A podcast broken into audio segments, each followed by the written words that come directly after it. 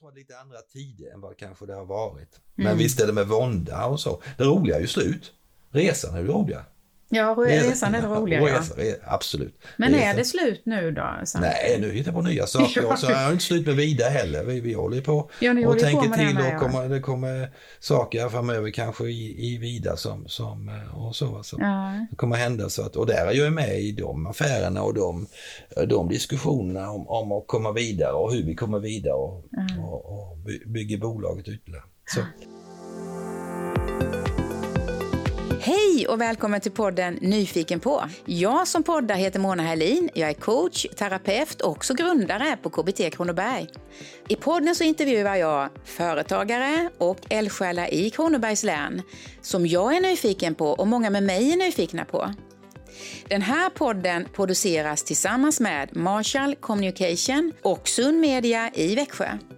Nya avsnitt släpps på jämna onsdagar. Hej Sante Dahl och välkommen till eh, podden Nyfiken på. Tackar, tack. Kul att ha dig här. Mm. Väldigt eh, intressant.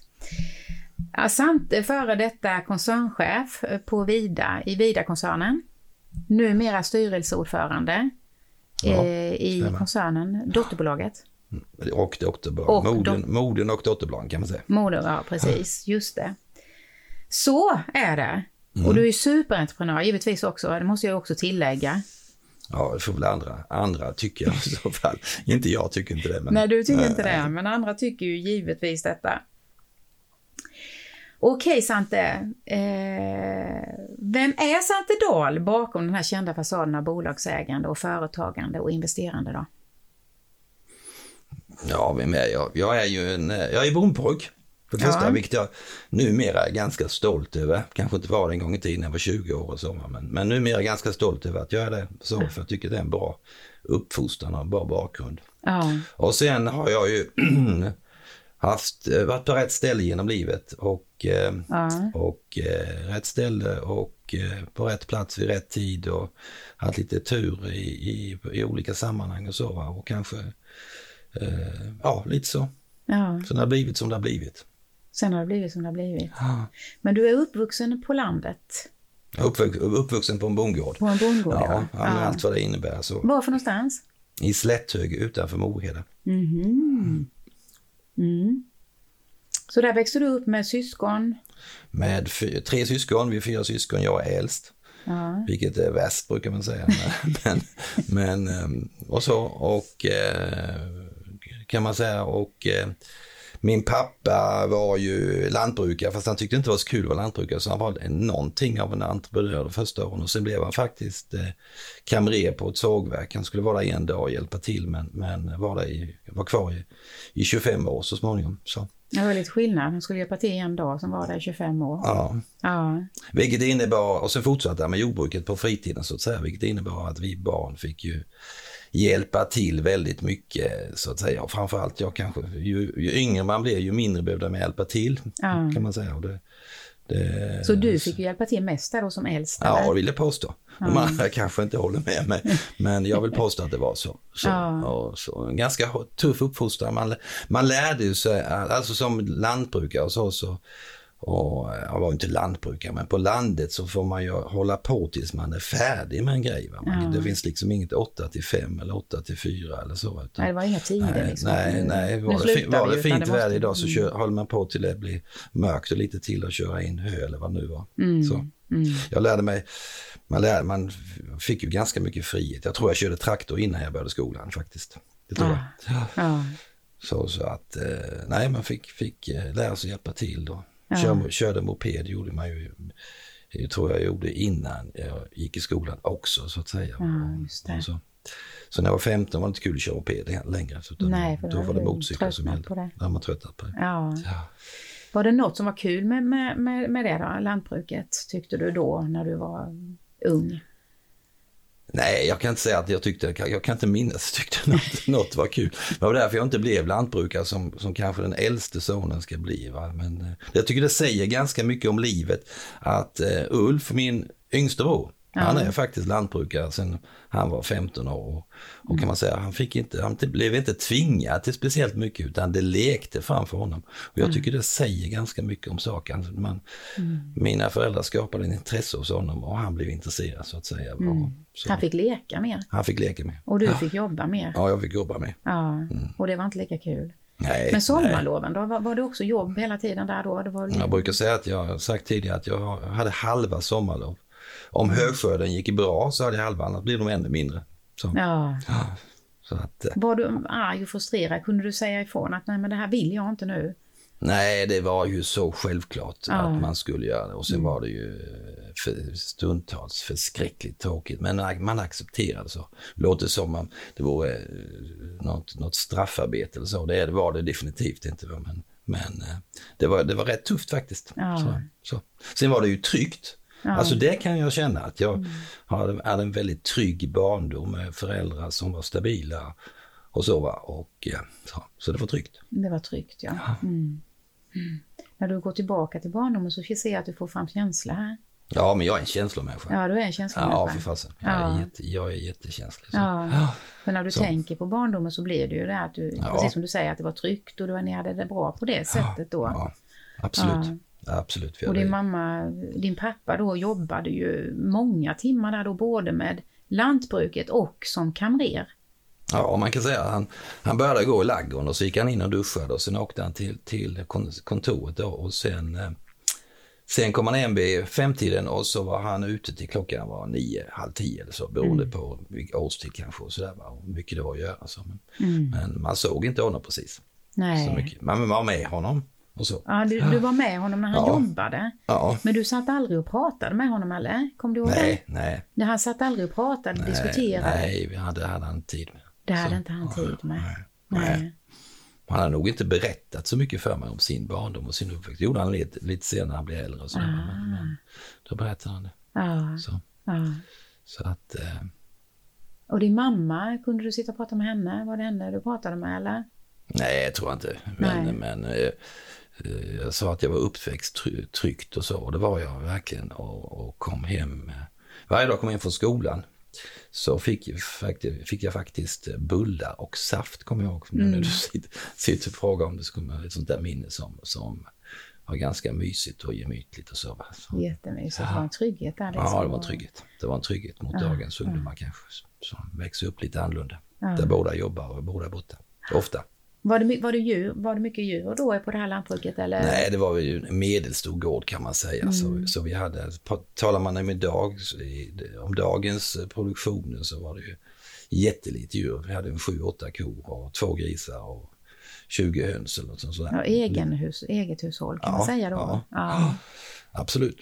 Så ni slaktade grisarna och Ja, slaktade man själv och så. ja, plockade äggen och gick och mjölkade. Mjölkade du med? Ja, Ja. ja. Kunde du det? Ja, ja, inte handmjölka men jag kunde mjölka med maskin. Ja, det var maskin då ja. Ja. Min, min far var rätt så, rätt så eh, innovativ kan man säga. Så han, så han skulle gärna köpa, ha, dem, ha mycket maskiner runt omkring sig. Så han gillade det. Så Han gillade inte att göra så mycket som för hand. Och så. Vi hade häst till jag var fem, sex år. Och så där. Sen dog hästen och så skaffade vi aldrig en ny häst. För han gillade traktorer bättre och sådär. Jaha. okej. Och hästen, hästar gillar jag. Jag har en dröm att få en egen ridhäst eller så. Men det, det var, var, är och förblir bara en dröm. Ja. Så, ja. så att... ehm, Så det blev ingen? Nej, det blev inget. Nej, det fanns, bara, det fanns inte på kartan man skulle få en ridhäst. Nej, det fanns inte. fanns inte så att säga. Hur var det mellan syskonen då? Det... Nej, det var bra. Jag, jag har en yngre bror som är tre år yngre med. Vi bråkade nästan aldrig faktiskt. Det var inte mycket bråk. Och sen har jag en syster som är nummer tre och hon, hon fick ju på den tiden hjälpa till inne mera va, så att säga. Va? Och, och eh, hon behövde inte hjälpa till så mycket ute. Va? Men vilket hon tyckte var rätt tråkigt. Eller säger idag. Va? Men att det Ja, var sådär att inte hon, hon tyckte att hon skulle få vara lite ute också. Ja, just det. Ja. Och så, så att, eh, nej det var en, en, eh, nej, det var en trygg bad, bak, eh, barndom men eh, eh, g- ganska tuff så att säga. Tuff uppfostran måste jag säga att det var. Tuff Ja. men rättvis. Ja, Det var stenhårt. Ja, inte stenar men det var hårt. Ja. Ja. Var det, hur, hur gjorde du sen när du blev tonåring då, när du ville träffa tjejer och, och, och detta? När Nej, men man kan, väl, kan man väl säga att, eh, att när jag blev tonåring så, eh, ja min fru brukar säga, hon, sa, hon säger ju fortfarande ibland när vi träffar andra att eh, att när jag första gången låg över henne, sov över henne en fredag till lördag exempelvis, så, så sa hon att eh, hon förstod aldrig varför jag skulle åka hem klockan åtta eller sju på morgonen. För då var det ju skogsarbete så att säga med min far då. Va? Och så fick man gå i skogen och så fick man dra i den här vajen och hämta stockar och så. Ja. Och man hade ju kanske inte sovit jättemånga timmar på natten och så, men kunde man vara uppe på kvällarna så kunde man vara uppe på morgnarna, tyckte han. Mm. Vilket är helt ologiskt egentligen. Ja. Men det fick du gå upp då ja, tidigt, eller då fick ja. du åka därifrån? Ja, då fick jag åka därifrån. Ja. ja så, så då, då, var det liksom... Så du fick, all, du fick inte ledigt där? Utan... Nej, nej för tusan. Söndagar fick man, fick man ledigt för då jobbade man inte. Nej, inte som man gör idag kan mm. säga. Så att mina föräldrar var lite, min mor framförallt var lite högkyrklig, är lite högkyrklig. Mm. Och så, så hon, hon gick hon i kyrkan då? ja, hon gick i kyrkan. Och du följde med? Varannan var tredje. Jag, nej, när jag konfirmerades gick jag i kyrkan men sen gick jag, jag tyckte det var jättetråkigt den här timmen i kyrkan. Ja, ja så jag, jag hade väldigt svårt för det. Ja. ja. Nej, så jag behövde inte gå i kyrkan kan man inte säga. Nej, nej. nej. Hurdan var du som tonåring då? Du kunde aldrig vara liksom busig då eller och kunna hitta på en massa olika... Jo, eh, alltså jag har nog tänt, lite gränser på olika sätt. Så jag mm. hade, när jag gick kompis, ner till kompisar och som jag ofta, som av någon, ja när man bor på landet är det inte så många barn och så och ungdomar så att de var ju lite äldre än mig, ett par år äldre än mig så att jag hängde med dem och jag kom ofta för sent hem och så vidare och lydde inte riktigt mina föräldrar och sådär. Så att, Eh, när det gäller det. Så att, för det var roligare där borta och då glömde jag liksom att gå hem och sådär. Så jag har nog alltid, och när, när man sköt eh, påsksmällar, kommer jag ihåg över påsk och sådär och busade hos lite äldre och sådär. Så, så, eh, eh, så hände det saker som kanske inte borde hända. Det är ganska snälla bus numera men, men då, trots allt lite bus. Så jag mm. tände nog lite gränser och sådär. Och alltid tänt lite gränser. Jag ja, gillar, gillar, gillar, ja, gillar ju bilar och köra lite fot och så är ju alltid gjort kanske. Så där, tycker andra i alla fall. Jag tycker kanske inte det, men andra tycker det. Du så. gillar bilar? Ja, jag gillar bilar. Ja. Mm, mm. Gillar bilar. Jag trodde det skulle gå ur, gå ur kroppen när man blev lite äldre, det här med bilintresset. Men, men det har det inte gjort? Det har det inte gjort, tyvärr. Nej. Det är ett rätt dyrt nöje. Kan man Vad säga. hade du för bil första då? En Volvo PB 1900, från 1962. Ja som min far betalade 4 100 kronor för och så fick han ett däck med på köpet. För det var, det var ett däck som var dåligt på bilen. Kommer fortfarande ihåg det. Vad häftigt. Ja. Men de är ju häftiga de bilarna, Volvo ja, TV. Volvo PV. Var den svart? Sport var det till och med. Men, men, eh, som, eh, som jag fick av min far. Ja. han var, han, eh, man kan säga att jag var ju hellre, trots att vi inte hade, vi hade medelmått i ekonomi, eller kanske lite bättre medelmått, vet jag inte. Men, men jag var aldrig utan pengar. Nej. Det faktiskt. Skulle alltid känna mig trygg, jag, trygg när jag åkte hemifrån och så. Så jag var aldrig utan pengar. Aldrig utan pengar, sådana. Nej. Men du fick eh, lite pengar då när du hjälpte till eh, ja, på gården? Ja, jag skrev upp eh, i en bok hur många timmar jag jobbade. Mm, jag var jättenoga Du var med noga med det? Ja. ja. Varje timme du jobbade? Ja, fick jag väl en krona eller två kronor i timmen eller så. Kanske någonting sådär. Jag kommer faktiskt inte ihåg det. Men det var och så fick du per månad då eller utbetalt? Ja, så vet jag inte riktigt sen. Sen fick jag väl per månad kanske, eller varannan månad sa när, sa när behövdes. Så att, men jag var jättenoga med bokföra. Ja, faktiskt. Ja. Mm. Vad driver dig, Sante? Var, var, var, kommer, var kommer det här drivet ifrån? Ja, vad kommer... Nu hör, jag, nu hör jag ju din far, han var ju väldigt driven. Alltså han, han jobbade ju ständigt och jämt. Mm, men han var, inte han var inte så spekulativ. Han var väldigt försiktig med pengar. Han var väldigt försiktig med pengar? Ja, det var han. Han ja. var inte spe, speciellt spekulativ utan det var mer liksom att arbeta och göra rätt för sig och sådär. Ja. Så att eh, han, var, han har inte varit så alls eh, så spekulativ. Inte entreprenör på det nej, sättet? Nej, inte entreprenör på det nej. sättet. Ni kanske inte som jag då har blivit. Va? Så det här vad driver med, det är väl, det är väl alltså jag tror att, jag tror faktiskt, nu är jag väldigt öppen, men, men jag tror att man är mycket med sig från barndomen. Va? Mm. Och eh, jag har nog haft ett behov under väldigt många år att visa att jag kan och att eh, bygga upp någonting som, eh, som är, ja, att jag kan så att säga. Visa, jag, jag, jag tänker fortfarande ibland när jag gör någon investering eller köper något, undrar om min far hade tänkt. Ah, du tänker så när du... Jag tänker faktiskt emellanåt fortfarande så. Ja, just På det. det. Ja. så. Nej, men jag har, har nog haft ett behov av att visa. Jag hade ju tre id- idoler när jag var 10, 12, 13 år. Mhm. Och det var tre stycken som körde Mercedes. En var, en var sågverksägare och en annan var åkeriägare och någon var chef för en lastbilsstad. De hade Mercedes alla tre, jättefina Mercedes. Och så hade, på den tiden fanns det inga mobiltelefoner utan man hade kommunikationsradio. Och det drömde jag om att en gång få ha en egen bil med kommunikationsradio. Jag har aldrig haft någon Mercedes så det blev det aldrig. Men, eh, en egen bil med kommunikationsradio, det, det, det var en, någonting Det som, var någonting som ja, som jag såg upp, såg upp till och som bara var en dröm då. Mm. Faktiskt. Tänkte du så då, en dag ska jag... nej, jag tänkte inte en dag ska jag bli så, men det var, ja en dag ska jag, nej, nej jag tänkte inte en dag ska jag bli så, utan jag tänkte, det var faktiskt en dröm, en ouppnåelig dröm vill jag påstå att det var, som jag inte trodde att jag skulle nå upp till. Mm. Faktiskt, och jag har ju inte haft en Mercedes som sagt var än, så att eh, jag har inte nått upp dit riktigt Nej, det kommer väl? Ja, kanske. Du kanske jag är inte köpa- tillräckligt gammal för Mercedes. Nej, just det. Så är det ja. Men det här drivet, precis som du säger, jätteintressant när du säger det här liksom nästan bekräftelsebehov från din pappa. Ja, så är det. Så det. Ja. Ja. Att, Så är det. att när han kom hem också, jag tänker när du, när du jobbade på där som 10-12-åring och han kom hem från det andra jobbet, Mm. då ville du bevisa att du hade gjort någonting eller visa att du hade utfört så, så någonting. var det säkert. Så. Och det tror jag har följt mig eh, eh, genom väldigt många år. Bekräftelsebehovet från framförallt från mina föräldrar. Och min Fick- pappa och min far. Ja, just det. Fick Mm. du det någon gång? Ja, på slutet. På slutet? Ja. Ja, hur gammal var han då, din pappa? Nej, men jag tror att han, han bekräftade mig långt tidigare. Men han, sa, han berättade aldrig om det. Han sa aldrig någonting om det. Kan Nej, man säga. nej. Förrän de sista åren eller sådär. De sista 20 åren kanske. Eller så. Ja. Han levde så, så sa han det mer och mer kan man säga. Ja, När han då- blev mer och mer avslappnad. Så, Mm. så att, eh, Men, så, Men jag inte, man kan inte säga att jag har lidit av det. Nej. Du, man får inte uppfatta det så att jag lidit. För det har jag inte. Att du liksom, Absolut precis inte. som du säger med frågan där, vad, vad är det som driver dig? Så har det drivit dig? Ja, det har drivit mig. Ja. Plus att jag kanske är lite grann av en tävlingsmänniska. Jag tycker att, att företagande är ju en tävling. Mm. Det är ju att vara lite bättre än sina kollegor hela tiden, och konkurrent eller vad man nu kallar dem. Och det är att vara lite bättre, att nå lite högre. Mm. Jag tycker ju att faktiskt att det är roligare att tjäna bara en krona i dåliga tider när andra förlorar, förlorar pengar.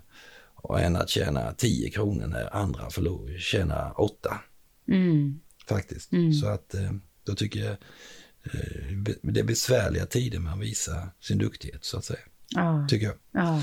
Men, men eh, jag är lite grann av tävlingsmänniska och, och, och kanske lite vinnarskall och så. Mm.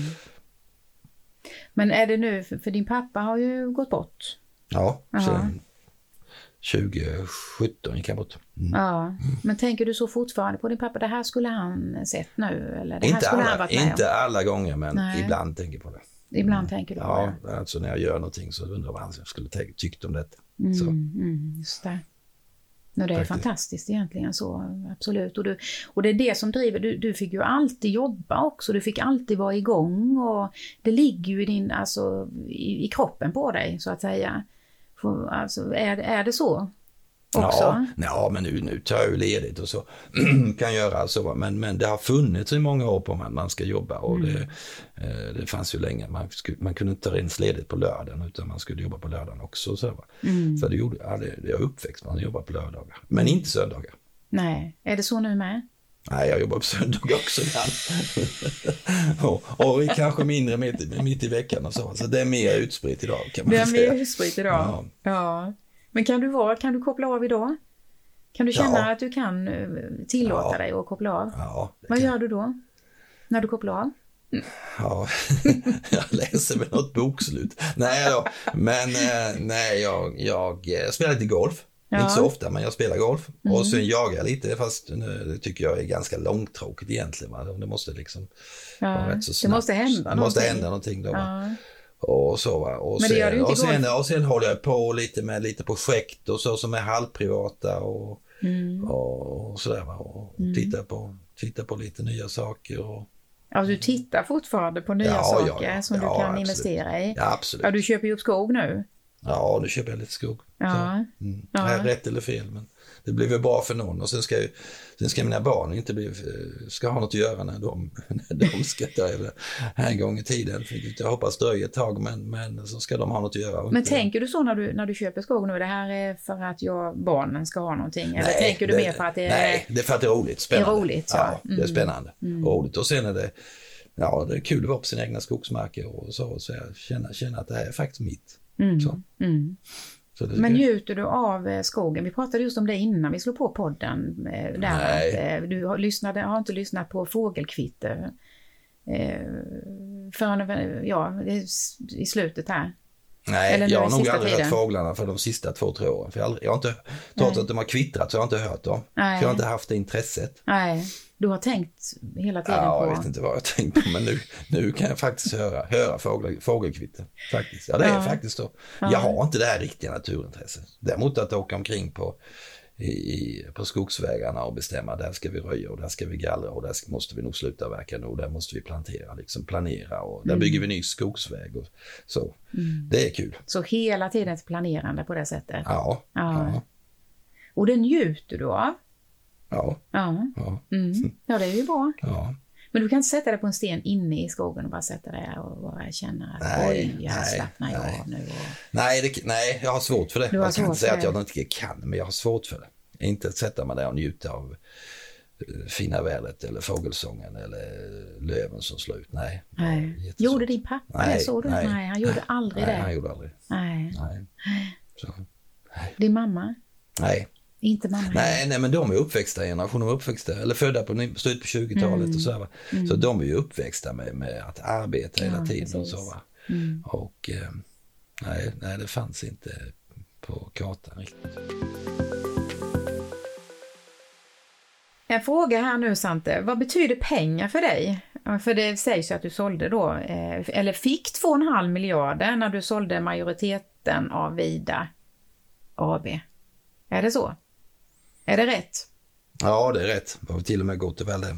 Men, Det var till eh, och med gott och då säger vi 3 ja, miljarder då. Nej, det var det inte. Det var det inte. Nej, alltså vad betyder pengar? Ja, en gång i tiden hade jag inga pengar att Nej. tala om. Nej. Att tala om. Alltså, pengar är ett jädra bra medel för att kunna skapa frihet och göra saker och så. Mm. Jag brukar säga att pengar ska faktiskt arbeta. Ehm, Pengar Nej, ska det skapar arbeta. frihet och det är ju också en tävling kanske att, att skapa eh, på något sätt en förmögenhet. Men jag måste säga att jag tänker, andra tänker mycket mer på mina pengar än vad jag gör det, eller mina tillgångar än vad jag gör så att säga. Jag tänker inte, faktiskt inte på det dagliga. Och jag hoppas inte jag förändrats som människa sen jag fick lite pengar på fickan så att säga. Jag Nej. hoppas inte det. Och att andra tycker det, va? för det vore, för Ja, men det vore känns ju kul. absolut inte för du är väldigt ödmjuk och Ja, alltså jag tänker inte, på, och- så. inte på det va, utan så mycket, eller det gör jag faktiskt inte. Nej. Sen skapar det naturligtvis en frihet på det privat, och, eller framförallt pri- privat ju. Naturligtvis så va. För det, när, det, när det kommer artiklar eller reportage så blir det ju miljardären Sante Dahl. Ja, jag vet inte, vad- du, du överdriver lite nu tror jag. ja. Men vad, vad tänker du då, eller vad får du för känsla då när du, när du ser det? Nej, det är klart att man tycker, ena sekunden tycker man det är lite kul va, men nej, jag, tänk, jag tänker faktiskt inte speciellt mycket på det. Nej. Nej. jag tänker faktiskt inte så mycket på det. Mm. Jag hoppas jag är den vanliga så att säga. Va? Och jag, det är ju inget konstigt med mig. Nej. Så varför skulle någon annan ha, jag har någonting annat som inte jag har och så vidare. Mm. Att, Men det är eh, just tävlingsmässigt där som du säger, att det är liksom att en, en, inte tävling med att du ska få så mycket pengar som möjligt då, utan mer liksom att du ska visa dig själv vad du har möjlighet till att göra, eller? Om jag Nej, men det är mig. klart att, att vad ska jag säga, jag, jag, jag har ju varit med och gjort rätt många förvärv i Vida. Jag har faktiskt varit med Vida sen vi omsatte 5,50 miljoner kronor. Mm. 1900, i början- slut på 70-talet och tills vi, sista året jag var koncernchef omsatte vi 6,4 miljarder. Så jag har varit med, med hela vägen där kan man säga. Mm. Och eh, det roligaste är när vi gjort förvärv, det är ju att ett plus ett blir mer än två, alltså blir tre eller något. Va? Att det finns synergi att göra affär. Det är det mest tillfredsställande som finns tycker jag, att det här blir, passar in i pusslet jättebra. Va? Och det har jag är nog lite av en logistiker, alltså, tänker, tänker rätt bra eller hyfsat bra logistiskt och så, få, få till saker och ting och, och, och få det som vi vill. Sen, sen kan man säga när man gjort de här förvärven så är jag inte tillräckligt smart för att begripa hur mycket jobb det är. När, innan man gör förvärvet så, så det är nog inte så mycket jobb med det och sen när man väl har gjort det så är det ju en jädra massa jobb med det. Va? Liksom mm. att få till det och sådär. Och det, det, jag ser nog eh, kanske möjligheterna mer än, mer än hindren så att mm, säga. Mm. Jag tänker, jag tänker tänker inte så smart alltid faktiskt. Men du ser möjligheterna, det är väl ja, det som är viktigt? Ja, men jag ser möjligheterna, absolut. Jag ja. ser väldigt lite hinder och att det här, ska, det här kräver superhårt arbete. Ja, ja. Men då, när, du, när du säger det, var det 77 som du gick in i? 77 blev jag anställd. Blev du anställd? Mm. Och 83 gick jag in i, i bolaget. Mm. Vad gjorde du innan? det? Jag gjorde ju, um, gjorde, jobbade på en revisionsbyrå mellan 74 och 77. Aha, okej. Okay. Gjorde jag. Och sen sökte de? Sen, sen var ju då det som en gång hette Alvesta Träförädling, som numera är Vida Alvesta, eh, var ju på väg att mer eller mindre gå i konkurs så att säga. Mm. Och då var man två, då var det då Vida Timber i Visslan, fanns ett sågverk där. Mm. Och, och Ata Timber köpte det här bolaget tillsammans mm. och ägde det tillsammans under ett år och sen köpte Vida Timber ut eh, Alvesta Träförädling 78. Mm. Okay. Och sen 79 så sålde och ägarfamiljen där, eller ägaren där, som tillhör ägarfamiljen och som drev verksamheten, Christer Johansson, han hade inga barn och, då, och det var väldigt svårt med generationsskifte på 70-talet. Jättehöga skatter och Pomperipossaskatter och så vidare. Så då, då bestämde han sig för att sälja de båda sågverken som han då ägde till Domänverket 79. Mm -hmm. Som var staten, samma sak som staten. Just det. Och sen hösten 82 så eh, gjorde de en dålig affär på Italien med något av sina bolag, Domänverket. Och eh, då blev vi till salu och kan man säga. Och då var vi sju stycken. Christer med 40 procent och sen sex stycken medarbetare på 10 procent vardera. Mm. Som eh, köpte, lyckades övertala banken om att vi fick låna pengar eh, till ett förvärv av de här båda sågverken. Ja, det, vi betalade 6 miljoner och sånt där mm. totalt. Och då, fick jag gå till, gick jag som privatperson till banken igen eftersom jag byggt hus två år tidigare. Så, så fick jag gå till banken och låna lite ytterligare pengar, vilket jag fick. Så, så att eh, eh midsommarafton, eller förlåt midsommarafton, nyårsafton 83 så var vi på bild i tidningen att sågverket var räddat. Och då kan man säga att då var vi nog då var vi nog eh, en dag från att både att inte vidare hade funnits idag, att det blivit nedlagt, nedlagt den gången så att säga. Så, så det var så inga, mycket till, så det var mycket inga andra intressenter nej, då? Utan, nej. nej. Så att det hängde på om vi fick låna pengar på, på banken eller inte, vilket vi fick. helt otroligt alltså. Ja, vilket vi fick. Och, sen, och då var ni, hur många sa du där samtidigt? Då var vi eh, sju stycken. Sju stycken? Christer Johansson då som, som var den, den tidigare eh, ägarfamiljen, eller ledde ägarfamiljen ja, kan man säga. Plus att vi var sex medarbetare så, mm. som gick och lånade pengar och sådär. Och sen, sen Sen 84 blev ett rätt så bra år för oss och så lyckades vi investera och sen 89 så var vi så var det en av oss som ville bli utköpt så att säga och då var vi tre stycken, Christer och jag och Bengt Arvidsson som, som var ekonomichef. Så sa vi att, eh, eller Bengt, jag framförallt var det som sa att nu, nu försöker vi köpa ut de andra också. Mm. Och eh, så gjorde vi det och så betalade vi eh, det fanns ju ett avtal varje år hur bolaget värderas och så. så då betalade vi dubbelt så mycket som avtalet för att lyckas med utköpet av de andra mm. då som vi ville, ville köpa ut faktiskt. Så att, att han, som, han som ville bli utköpt, han fick dubbelt så mycket betalt som han hade tänkt sig. Jaha. Så för honom blev det bra. Ja, det blev det ju då. Och för det blev bra för alla, mm. hoppas jag. Mm. Så, så sen blev vi, och sen blev vi tre lika delägare från 89 och framåt. Och sen var vi det fram till 2004 och så lämnade då Bengt Arvidsson 2004. Då, så var det Christer och jag som ägde fram till 2010. Mm. Och sen har han släppt in sin brorson lite grann och så var det några andra som kommit in på några få procent så att säga. Så att, eh, mm. 2010 har vi varit fram till 2019 till vi sålde 70 procent av bolaget. Så att mm. Så att det är en fantastisk resa. Det i, ja, det har verkligen varit en Ja, fantastisk resa. Ja, Helt fantastiskt. otroligt. Fantastisk tänker, när du tänker tillbaka så, alltså det här med, ja. ni köpte detta då för Men sex, inte så märkvärdigt egentligen, inte så, så utan det har gått slag i slag och, och Mm. Och ni har lyckats? Ja, vi har inte lyckats med Verkligen. allt. Vi har inte lyckats med allt. Nej. Inte gjort. Vad har ni inte lyckats gjort- Ja, vi köpte ju Lessebo bruk en gång i tiden. Jaha. Köpte vi pappersbruket Lessebo. Ja. Köpte vi 2006 då vi trodde att eh, vi tjänade ju eh, lite pengar då efter stormarna och sådär. Så tyckte vi att gick ju Lessebo bruk i konkurs och sådär. Ja. Och eh, då tro, trodde vi att vi var oövervinnliga. Så, så att eh, det är klart att vi ska fixa till det och sådär. Mm. Och rätta till det. Va? Men gjorde inte riktigt vår hemläxa och, Mm. och så. Och, så, så att, och sen kom 2008, finanskrisen och så. Va? Och vi, eh, vi, eh, och så fick vi 20, sen låg ju, sen kan man säga var det ju ett litet riskprojekt som eh, vi hade med en annan bank än vår huvudbank och, och eh, så, sen ställde de krav på borgen och så vidare trots att vi betalade alltid, alltid, jag har aldrig missat en amortering eller en räntebetalning så sa de upp lånen till oss, hela lånet och hoppades väl på att vi skulle gå in och borga med vår, våra andra anläggningar så att säga. Vilket vi inte gjorde, vilket gjorde att de sa upp krediten och vi hade inga pengar på kontot så vi var tvungna att sätta det i konkurs. Och det, eh, hade man varit, haft en, och jag la ner enormt med tid på i Lessebo under de sex åren. Enormt med tid i Lessebo så att säga. Mm.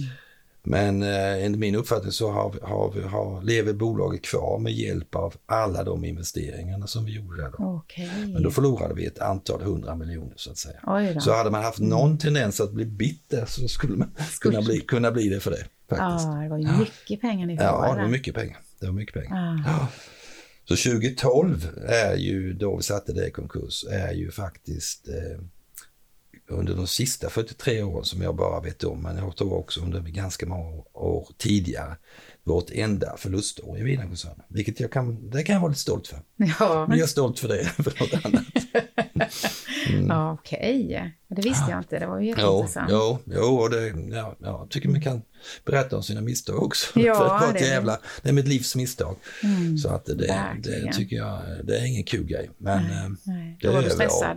Ja, i livet ja, ja då. det var stressat. Mm. Jo, det var stressat. Mm. Det var stressat. Det vill jag inte vara med om igen. Nej, faktiskt. det förstår jag. Nej, Verkligen. Var, då, då fanns det inte många timmar att sova på dygnet. Nej. Jag försökte få till Då det och, och övertaga, övertala folk i Stockholm att eh, ni har ju fått era pengar hittills exakt på dagen och så vidare. Men, eh, Men det de hjälpte inte. Det hjälpte inte. Nej. Det är lättare att handla med det är lättare att eh, handla med andras pengar än med egna brukar jag säga. Ja. Det är lättare att vara kaxig med andras pengar än med egna. Det gäller i många sammanhang Mm. faktiskt. Mm. Det, eh, det svider i det egna lädret men använder man annars läder så, eh, Så svider, svider det inte så lika mycket. Nej. Sen köpte ni väl Necte? Ja, In, ja, Ja. I, vad heter han? Necte, va? ja, det heter AB John Neikter. Neikter Ja. heter det, ja. I Urshult köpte vi där. 1989. 1989 köpte ni det, ja. Ja, köpte 89. Mm. Och då, då eh, hade vi ju, på den tiden hade vi alla styrelsemöten på kvällarna och så, vilket vi inte haft de senare åren, men då hade vi det. Så då förhandlade, och de skulle jobba på dagarna och vi skulle jobba på dagarna, så då förhandlade vi varje kväll mellan, eh, mellan eh, innan, innan jul, kan man säga. Det var en vecka, julafton var kanske till och med på fredagen, eller på lördagen eller söndagen. Och då förhandlade vi varje kväll där. Och sen kom vi överens på fredagen innan. Så. Och vi höjde budet med en miljon när vi kör in genom grindarna. Oj, Ja. jaha. Det Varför då? Nej, det finns en liten historia om det va, att eh, Bengt Näkte som, som jag kände ganska väl och jag hade köpt mycket trävaror genom åren, och, och, eller de sista tio åren då innan. Det var därför vi fick förtroende att köpa dem kanske. Eller en orsak till det. Och så han, eh, vi frågade en kväll när vi satt och förhandlade en kväll i veckan. Om, du, om vi nu inte kommer överens om priset, hur gör ni då? För de, var- de var två bröder som ägde och, så, och som inte hade några barn. Mm. Den ena var ogift och den andra hade inga barn. Och gift men hade inga barn. Ja, sa de till oss att, eh, sa Bengt som var en väldigt klok man, sa han att då, då eh, behåller vi nog bolaget några år till och säljer lite senare. Men då är det inte säkert vi frågar er. och det där snurrade ju huvudet på oss så att säga. Va? Och därför ni höjde det? ja, så när vi åkte in genom grindarna där på fredag morgon och sa att, att eh, eh, nej, vi, vi, får nog lägga på en miljon till för att han, annars blir han nog missnöjd. En miljon var rätt mycket på den tiden. Ja, så, absolut. Så han, inte blir, så han inte blir missnöjd och så va. Ja. Så, va? Och eh, Sen när vi, la vi fram det och sen eh, gick han ut ur rum, gick de två båda bröderna ut ur rummet. De hade en, faktiskt en syster också ska sägas i Malmö. Så gick de och ringde henne, systern. Och så nu sa de att nu ska vi gå och ringa vår syster och se vad hon säger. Så kom de tillbaka efter fem minuter och så sa de att budet är accepterat. Så det var, ingen, det var inte så att de försökte kohandla där sen utan det var, ja, det var korrekt. Accepterat. De tyckte det var korrekt och riktigt så. Mm. Det är detta som du brinner, alltså jag ser ju det på dig Svante, det här liksom förhandling, att liksom gå in och investera i någonting, det här liksom spänningen i det också eller? Ja, klart det är spännande. Ja. Jättespännande. Ja. Ja. Se på hur folk... Vad var prislappen? Ja, det är väl så länge sedan nu så jag tror att eh, Bengt, det är bara Bengt som lever men han, det kan väl vara preskriberat. Det är inte säkert han lyssnar på poddar Nej, precis. det tror jag inte. Nej, det var nog 18 eh, miljoner som blev 19 om jag skulle säga en siffra. Det var det i alla fall i den nivån. Mm. Mm. Så det var, jag tror mm. att det var 18 som blev 19 i, i, i grindhålet. Och då tänkte du yes? Ja, det tänkte vi. Ja, ja. eller nej. Men man... Eh, man eh, hade stort förtroende för Bengt Leijten. Han var en oerhört klok människa. Ja. ja eller är. Om vi går in i lite annat här nu då, Sante, mm. Eh, så, så har du ju räddat Växjö DFF, damfotbollen där. Genom att gå in då med en okänd summa pengar, eller? Mm. Den summan har man ju aldrig fått reda på vad du gick in med. Nej. Nej. nej. Till tjejerna. Ja. ja. Och den vill du inte avslöja givetvis. Nej, det vill jag inte göra. Har inte gjort det fram till nu så behöver jag inte göra det framöver. Kan du till mig så jag får lite... nej, nej, men det var väl en, en Nej, det var väl en, en, en, en ansenlig summa pengar för en många människor. Kanske inte så stor för mig. Nej, nej. nej. Varför blev det så? Nej, alltså det, det, ibland gör jag saker lite för fort. Men inte det, detta har jag inte gjort för fort ska jag säga. Men jag, jag, är rätt snabb i affärer och så. Ibland ja, det sa du ju. Det, ja, liksom... Men detta, detta var inte så snabbt. Det vill jag definitivt inte skylla Nej. på. Men det var väl att vi satt och pratade en gång och vi hade lite kontakt och ett tag med, med ledningen eller högsta ledningen. Där, så, så sa, sa man att vi, har, vi åker ur om vi inte fixar till pengarna. Så åker vi faktiskt ur, ur serierna beroende på det. Ja. Och så sa jag att det, det, så kan vi ju inte, så kan ni inte ha det. Nej. Ni har vuxit lite fort och inte haft ekonomin med och så vidare. Men ni kan inte, vi kan ju inte ha... De här fotboll, de här eh, eh, idrotten i Växjö mm. tror jag betyder mer än folk i allmänhet tror. Mm. Jag har ju förstått det nu när jag börjat intressera mig lite mer för idrott de sista tio åren kanske. Så, och kanske inte minst Växjö Lakers och så. Att, att eh, idrott betyder väldigt mycket för människor och man får bra människor till orten med hjälp av idrott så att säga. Så mm. att lite därför och så var det ett sätt att hjälpa till och nu klarar de sig ett år till så får vi se hur det går i år. Men det här är coronatid och så. Ja, just det. Hur de fixar till det. Men alla sitter väl i samma båt på något sätt. Va? Så man, mm. man eh, men det vet vi ingenting om. Nej. Så. Har du gått och tittat på dem sådär? Ja. Ja, ja, ja, det kom ju någon. Jag var lite för snabb där när jag blev intervjuad och sa att jag inte sett någon match. Men, men så det blev lite roligt och det förstod jag i, i media. Så. Men mm. jag har faktiskt sett eh, en halvlek. Har sett. Ja. En första halvlek, inte en sista, en första. Men sen var jag tvungen att köra iväg en söndag eftermiddag. Men jag ska titta på Nu var du inte tålig där. Nej, jo, jag hade inte tåligt ja. Jag hade inte tåligt, men jag var tvungen att iväg på en grej. Så att, eh, men, eh, men eh, jag ska gå och titta på dem Jo, Ja, absolut. Absolut, för jag tyckte det var väldigt kul. Ja, du tyckte det var kul. Jag tyckte det var bättre än vad jag trodde att den skulle vara. Ja. Ja, tycker, tycker generellt att damfotboll har Eh, rättat till sig och blivit inte roliga att titta på. Ja, men duktiga och även, Växjö, och även Växjö, jag tycker de var duktiga. Ja, ja, ja. Tycker men fotbollsintresset har du haft eh, sen du var... Du, du... Ja, jag var mm. väldigt idrottsintresserad på 60 och delar av 70-talet. Eller nu var. Jag visste ju, kunde, kunde nästan fortfarande räkna upp eh, allsvenska laget, Östers allsvenska lag som vann 1967 och sådär. Och ja. landslaget och så kan ju, ja, så. Men sen eh, började jobba och sen tog det överhand i 20, 25, 30 år. Ja. Mitt jobb, så då var jag jättelite på idrott. Ja. Mm. Kan man säga. Ja. Och hockeyn?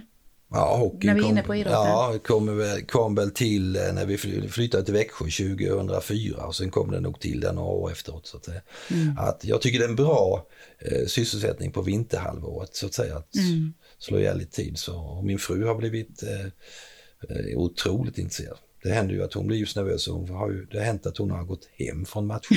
ja, det var tillräckligt spännande. Och jag tar, inte, jag tar inte det riktigt så allvarligt som hon gör. Så. Men det är kul när man ja, är så det är kul när det är så. Det är jättekul engagerad ja, i det. det är jättekul när det är så. Mm. Du investerar i, i stora fastighetsbolag också?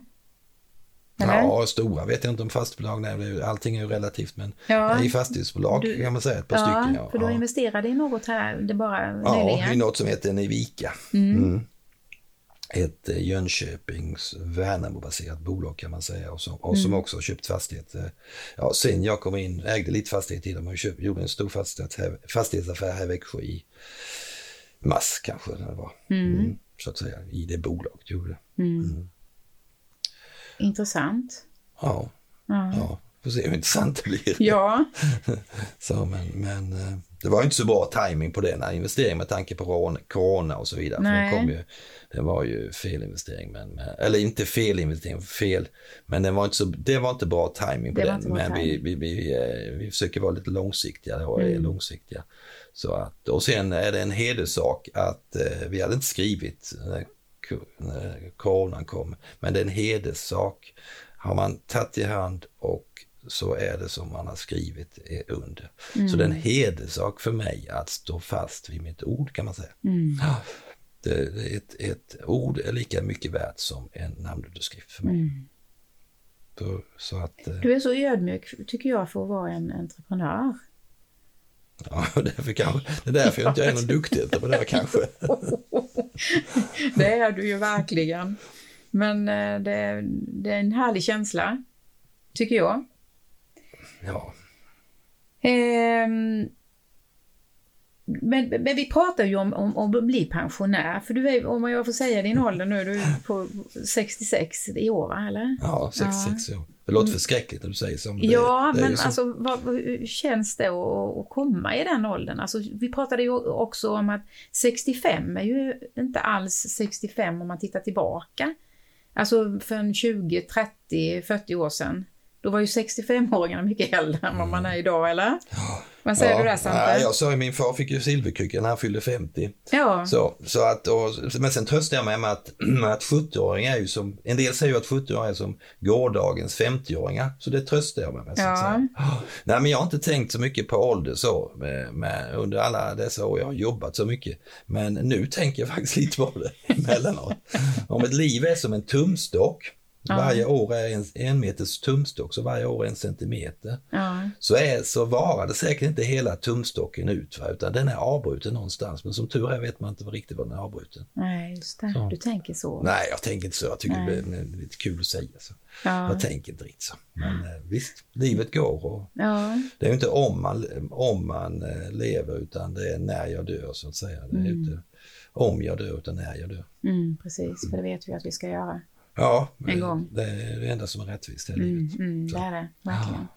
Jag tänker också hurdant nu är det, vi pratade just om sorg. Är det, det blir en viss sorg nu när du har sålt det. Du har ju ändå varit där i över 40 år. Ja, ja, ja. Och sen att du får mycket mer, nu har ju du, du jobbar heltid ändå. Ja, jo, nog totalt mer än heltid. Mer än till heltid? Ja, jag.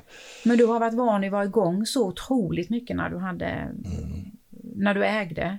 Ja, eh, vida. När jag ägde el eller mer eller mindre hel. Ja. Mm, ja visst, nej men. Och nu eh, plötsligt så ringer inte telefonen så mycket eller? Nej, nej, nej. Alltså det var ju en vånda först att sälja. Ja. Kan man säga. Det var ju en vånda och sådär. Man kan drömma om att bygga upp det här i generationer och så. Sen, sen eh, Nej, sen, sen, är det lättare om man, om man är med i ett bolag från, man är från 50 miljoners omsättning till 6,4 eller miljard eller vad det var. Mm. Och så, så är det lättare att ta det än att komma jag har tänkt på min son, exempelvis Erik som nu jobbar i bolaget, att han kanske skulle kunna bli en bra koncernchef, vilket han skulle kunna bli, alldeles övertygad om. Nu är Måns en bra koncernchef under, mm. under ett antal år. Men din son är vice koncernchef? Min son är vice ah. koncernchef och han skulle kunna bli till sen. Jag tänkte den tanken och, och så mm. vidare. Men, men det är värre för honom att komma in i det när det är så pass stort som det är. Det var betydligt lättare för mig mm. när jag är, med, hela vägen på något sätt. Där, ja. Mm. Och sen tror jag inte vi kommer att se framöver de här traditionella generationsskiftena i företag överhuvudtaget. Jag tror att vi lever lite grann i en ny tid. Och mm. Det gäller att vara med i, i, i större koncerner. Jag ser ju det, vi var ju som alla andra småsågverk som var som en hur många som helst i Småland när jag började en gång i tiden. Va? Och sen har vi vuxit och, och så att säga vuxit i fatt och vi, vi har på det, genom vår storhet till stora delar skapat lönsamhet med hjälp av det så att mm. säga. Mm. Så att det, och nu ska, går vi ett steg till och med i en ytterligare stor koncern så att säga. Mm. Sitter inte själva. Så att, jag tror att lite andra tider än vad kanske det har varit. Men mm. visst är det med vånda och så. Det roliga är ju slut. Resan är det roliga. Ja, resan är det roliga. Ja. Absolut. Men är det slut nu då? Sen? Nej, nu hittar på nya saker. Och så är det inte slut med Vida heller. Vi, vi håller på ja, och tänker på till och kommer, det kommer saker framöver kanske i, i Vida som, som och så. Alltså. Ja. Det kommer hända så att, och där är jag med i de affärerna och de, de diskussionerna om, om att komma vidare och hur vi kommer vidare och, mm. och, och bygger bolaget ytterligare. Så, så jag att, tänker just när du pratade om din far där som var ute i skogen ända till han blev 87. Ja, 87, 88. Ja, du, lik, alltså du, det blev väl likadant för dig antar jag då att du... Ja, jag måste något att göra. ja. Ja, kan, kan jag ju inte sätta mig hem, hemma. Men vad skulle hända då? Ja, det vet jag inte. Jag har tänkt tanken. Jag vet Nej. inte vet inte riktigt. Du måste liksom vara igång och Ja, inte hela tiden, men jag kan ju... Nya jag, investeringar? Ja, är det ju med skogen ja, och fastigheter ja, och det slutar ja, liksom inte. Ja, jag gick in i ett bolag i denna veckan, igår eller förrgår. Så, ett litet mätbolag här i stan som, som inte är helt okänt. Mätbolag? Ja, Jaha. duktig entreprenör tror jag. Tror jag vet unga inte. entreprenörer? Som en du... ung entreprenör som driver det. Som, som, som man ser en potential i och så vidare. Ja, just det. Så ja. investerar i yngre, alltså så ja, företag så. Ja, det, är ju, det är ju så att, att eh, det, jag försöker ta rygg på de duktiga människorna. Mm. Om man inte är så duktig själv så får man ta rygg på de duktiga människorna. Ja, och sen är det intressant också att vara med i diskussionerna kring ja, det också då ja, antar jag för din del där Ja, det är jätteintressant. Mm. Och sen måste du tro på det givetvis och investera i det. Ja, måste man göra. Så de som lyssnar på det här unga eh, entreprenörer, de eh, kan komma till dig om de vill. Ja, jag begriper. Jag, alltså jag förstår en pitch, ju inte. som det heter. Nej, på, men jag är ingen IT-människa. Jag är ingen IT-människa. Nej. Så jag har, jag har svårt att förstå all ny teknik som har mm. med det att göra så att säga. Men eh, jag kan, du får ha någon som översätter till, höll jag får ha någon som översätter till. Så, Jätteintressant. Hur, hur, jag tänkte på det, din fru, har ju hon stått ut med dig när du hela tiden har idéer och nya investeringar och du är iväg och helgerna och... och... Nej men, hon men är tålig. Eh, en, en sak som är ganska viktig om man ska hålla på som kanske jag har gjort, ja, så är det ju att gifta sig lite rätt. Jag har sagt det till mina barn, vilket, uh -huh. har, vilket de har gjort. Uh -huh. så, men alltså ska man ha på sig så måste man gifta sig lite mm. rätt. Och jag tror att det är svårt att vara två karriärister mm. i en familj. Men det, jag kanske inte uttalar mig om egentligen, men det kanske lite så. Mm. Och så. Men eh, jag har ju haft ett otroligt eh, stöd från henne mm. genom alla år. För hon, hon har ju tagit hand om det, basen hemma. Ja, eh, basen med, hemma. Med barnen och, och hus och jag är inte dugg trädgårdsintresserad. Nej. Jag är inte det minsta Och inte städning heller? Nej, jag vet inte hur man gör. Du vet inte hur man dammsuger? Nej, nej, jo det vet jag men, men jag har inte gjort så mycket många gånger i mitt liv. Men eh, nej, men jag har ett otroligt, en otroligt bra fru som har, har, alltså, eller har som, som har ställt upp på allt detta och så. Mm. Sen klart att äh, vänjer sig man vid saker och, och så. Och på något sätt, vi har vi varit trygga i sig själva och oss själva och haft en eh, kanske en okej okay ekonomi alltid. Eh, mm. Så privatekonomiskt. Mm. Okej, okay, okay, alltså vi har varit eh, hyfsat fattiga men, men eller fattiga, är fel uttryck men, men eh, Folk har det mycket bättre än vad man hade när, på 80-talet när vi, när vi var unga. Mm. Då, idag har man mycket bättre. Mm. Vi eh, fanns ju inte på kartan när vi första gången åkte fjällen att gå ut och äta på restaurang en kväll. Nej, vilket jag brukar det. säga till folk ibland. Mm. Att det fanns inte på kartan. Utan vi hade ju mat med oss. Och, Mm. och så, Går så. ni ut och äter nu då? Ja, det gör vi ju om, vi, om inte det är corona. Men, men, Ja, men det, annars det gör ni gör det. vi. Ja, det gör Ja. vi lite grann så. Ja, det händer ju. Inte Ja. så ofta, men vi gör det. Mm. Tycker det är rätt lugnt och skönt. Jag är ute så mycket ändå. så Ja, det är lugnt- så och det skönt, skönt att komma hem. skönt att komma hem och äta middag hemma. Lagar du mat någon gång? Nej, nej. Nej. Jättedålig på det. Jag kokar, jag kokar mina ägg på morgonen. Ja, det kan du. Ja, kan jag. Ja, du kan det och så knäcka dem också. Ja, där går gränsen. Ja. Nej, jag är inte intresserad av matlagning. Och, och det är också Men bortskämd. maten är du intresserad av? Ja, lite grann.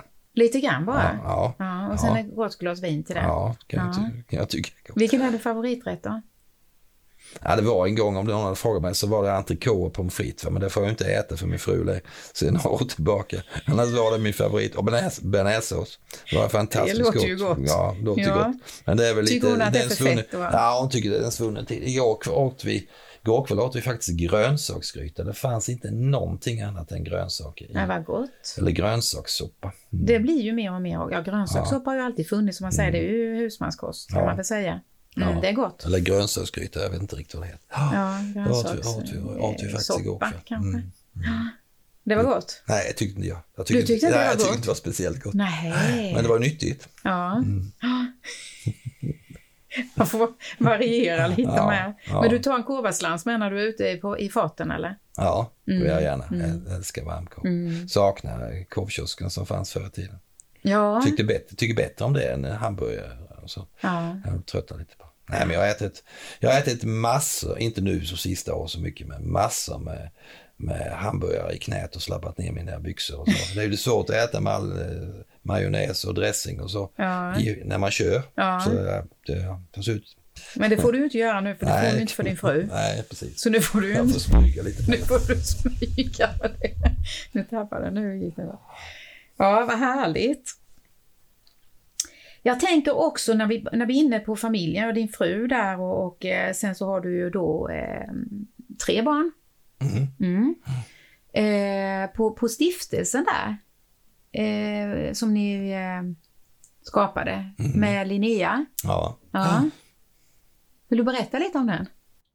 Nej, men det var ju så att, att hon har en funktionsvariation har hon haft hon, hon är för tidigt född, ett antal veckor och som jag inte kommer ihåg hur många nu men, men eh, hon är för tidigt född och så hon har en så kallad funktionsvariation vilket innebär att hon har en funktionsnedsättning kan man säga. Så, och eh, eh, är väldigt eh, smärttålig kan man säga. Så s- våren 2016 ska jag säga, hoppas jag säger rätt nu. Så eh, hade hon en infektion. Eh, jag blev bjuden på hockey av vår lev- elleverantör i Linköping. Mm. Måndag tror jag det var. Och eh, klockan halv ett mellan, och så sov jag över i Linköping. Klockan halv ett på natten mellan måndagen och tisdagen så ringer min fru och väcker mig. Och säger att Linnea håller, var hon, då hade hon varit på lasarettet på dagen och eh, hon, eh, har, hon är på väg till eh, Karlskrona för att eh, sticka hål på hjärtsäcken. För hon har vätska i hjärtsäcken. Mm. Och de vet inte om de klarar henne, säger min fru. Oj. Och jag sätter mig i en taxi i Linköping och det tar två och en halv timme att åka bil, taxi från, från Linköping hem och komma hem här vid eh, ja, fyra tiden kanske eller så på natten. Och vi sätter oss i bilen och kör till Karlskrona, min fru och jag är väl där nere vid femtiden, fem, halv sex eller sådär. Och då ligger hon, då berättar de för oss att hon har haft hjärtstillestånd i, ett, i en kvart Mm. i ambulansintaget. Hur gammal är Linnea då? Hon är ju 27 kanske, eller något sånt där. 27, 28. Hon är 31 idag, 27, 28, Mm. mm. 27. Och, eh, och eh, hjärtstillestånd där och, och då ligger hon i en respirator och så vidare och de vet inte om de klarar sig. Hon, de tycker att hon har negativa tecken och så. Va? Hon ja, kommer inte ihåg riktigt vad hon skulle, borde reagerat på. Så, men hon ligger precis som hon inte levde. Och, Och eh, min fru och jag där och min son Erik och hans fru Gravella kommer ner på förmiddagen när de har lämnat sina barn på dagis eller något sånt där. Så, ja, sen, eh, och det är eh, nästan min värsta dag i livet. Mm.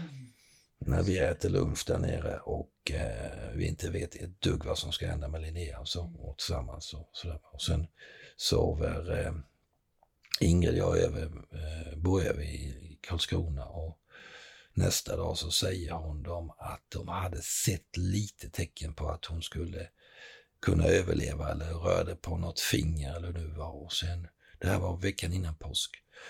Och på skärtorsdagen blir hon faktiskt, om det, om det händer på måndag, måndag, tisdag, så på skärtorsdagen blir hon faktiskt förflyttad till Växjö lasarett. Mm. Som blev. Mm. Och sen visste vi inte, sen, eh, vi, vi, visste inte hur mycket det tagit på hjärnan eller överhuvudtaget på hjärnan och så.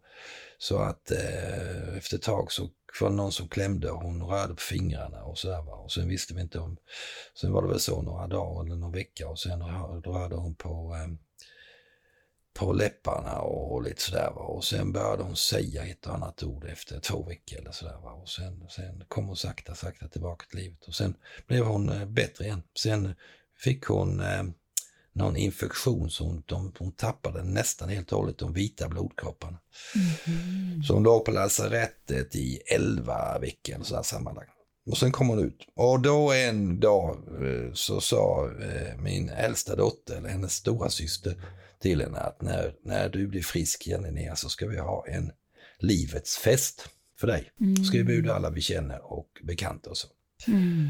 Och, så, och i samband med det så, så sa vi att eh, nu eh, bildar vi en stiftelse med Linneas namn så hon får vara lite stolt över någonting och så vidare. Så gjorde vi det, eh, min fru och jag kan man säga. Mm. Eller min fru och jag. Och så hade vi livets fest på hösten där sen. De sa för 75-80 personer och, mm. så, och så firade vi henne och så. Så, att, eh, mm. så kom den till. Och sen är den till för, då, för barn och ungdomar med särskilda hinder. Avkastningen av den här stiftelsen ja, går till barn och ungdomar. Så vi har delat ut under de här tre åren har vi delat ut en 600 000. 600 000 mm, det är så ja. ja. Mm, det är ju fantastiskt. Ja, det är Verkligen. fantastiskt. Mm. Men du, det, det är roligare att kunna göra det. Det är roligare att kunna ge än att få, mm. tycker jag. Mm. Det är faktiskt roligare. Mm. Ja, det är det. det är, ja, men lite det här med fotbollen och så vi var inne på. Ja. Det är faktiskt roligare att kunna ge. Det är mer att, att du känner den tillfredsställelsen. Ja, det, det är mer en större tillfredsställelse mm. att få. Mm. Mm. Faktiskt. När det gör gott så. Ja, när det gott så. Hos andra människor så. Ja. Så att det, det, är jättekul med den stiftelsen mm. och, och, så. Och vi ska försöka bygga upp den och, och mm. så att det blir någonting. Och, För då har den funnits i något år nu ju. Sen... Ja, det har funnits i tre, fyra år. Ja, tre, fyra år. Ja. Hur gammal är Linnea idag sa du? 31. 32, 32. Hon mår bra idag? Och, och ja, hon, hon, hon har fortfarande lite dåliga värden kan man säga. Mm. Dåliga världen så hon, hon går på lite ständiga kontroller. Mm. Så, som mm. så att, eh, men hon mår bra och är vid gott mod och väldigt social av sig och så vidare. Mm. Så, så, att, eh, jag hoppas det bra. Hon har, mm. hon, eh, har haft lite tur med att välja rätt föräldrar kan man säga. Så, ja, härligt, så, verkligen. Vilket inte alla barn är förunnat. Så att nej, säga. Så att, nej, visst är det så. Så att eh, Nej, mm. Nej men det är jätteroligt med, med den stiftelsen mm. och sådär. Så. Mm. Härligt. Men som skapar lite engagemang och det skapar också lite, lite engagemang. Håller inte på alls mycket med det men det, Nej, det, men du tar, li, ja, tar lite tid. Ja, ska ha styrelsemöte på måndag i vår styrelse. Aha, ja. Okay. Ja. Så, så lite tid tar det. Härligt. Jo, någonting som jag tycker är nyfiken på också, det är ju, har du någon, känner du någon rädsla någon gång när du går in i någonting i olika situationer?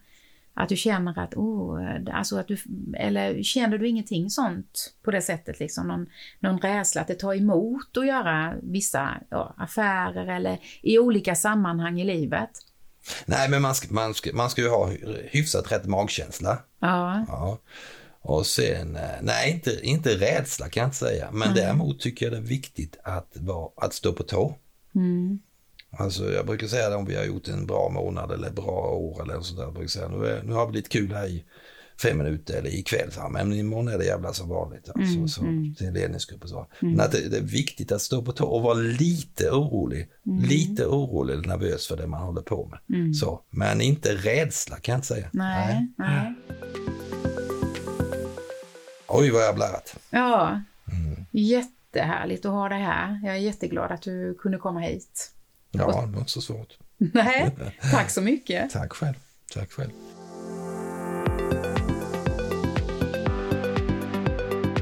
Det här avsnittet sponsrades av Coach C, kostrådgivare och tränare i Växjö med fokus på att göra långsiktiga förändringar för hälsan. Bortom kostscheman, dieter och andra tillfälliga lösningar. Det sponsrades även av Byn, coworking utan bindningstid på Icon i Växjö. Det sponsrades också av Sund Media, din personliga mediekreatör i Växjö som älskar att ge liv åt idéer och skapa innehåll som berör och väcker känslor. Design och innehåll med mer personlighet helt enkelt. Tack för att du lyssnar! Tyckte du det här avsnittet var intressant så glöm inte prenumerera så får du upp nya avsnitt i ditt flöde. Följ mig gärna också på Instagram nyfikenpa.se. Vi ses i nästa avsnitt. Glöm inte jämna onsdagar.